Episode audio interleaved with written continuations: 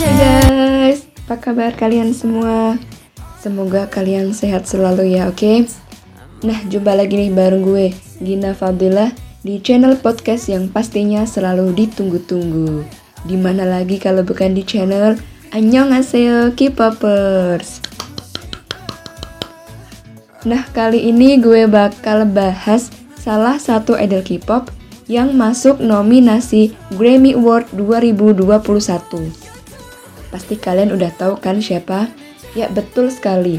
Siapa lagi kalau bukan BTS? Yeay! BTS atau dikenal juga dengan nama Bangtan Soyundan adalah sebuah boyband yang beranggotakan tujuh orang asal Korea Selatan yang dibentuk oleh sebuah agensi yang bernama Big Hit Entertainment. BTS sendiri memulai debut mereka pada tanggal 13 Juni 2013 dengan membawakan lagu yang berjudul No More Dream. La la la la la. Itu kira-kira guys lagunya. Nah, sejak saat itu BTS pun mulai dikenal masyarakat luas. BTS mulai tampil di acara musik dan mendapatkan berbagai penghargaan. Seperti di acara Melon Music Award 2016, di mana BTS mendapatkan penghargaan desang pertama mereka setelah tiga tahun terjun ke dunia entertainment. Kalian tahu nggak sih guys, penghargaan desang itu apa? Sini nih gue kasih tahu. Penghargaan desang adalah penghargaan tertinggi yang diberikan kepada artis atau penyanyi Korea Selatan. Wah, keren banget gak tuh? Gue curhat sedikit ya guys. Gue terharu banget pas nonton acara MMA 2016 itu. Gimana gue gak terharu coba? Member BTS pada nangis karena mereka tuh gak percaya banget bakal dapat penghargaan desang. Secara kan masih banyak idol lain yang lebih dulu berkarir daripada mereka.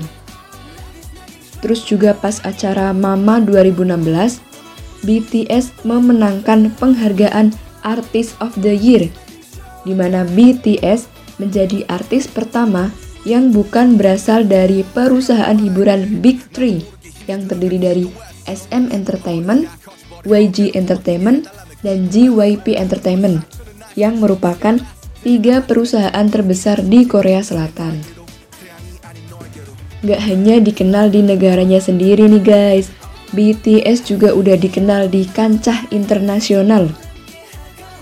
Terbukti pada tahun 2017, BTS merupakan grup K-pop pertama yang tampil di acara American Music Award.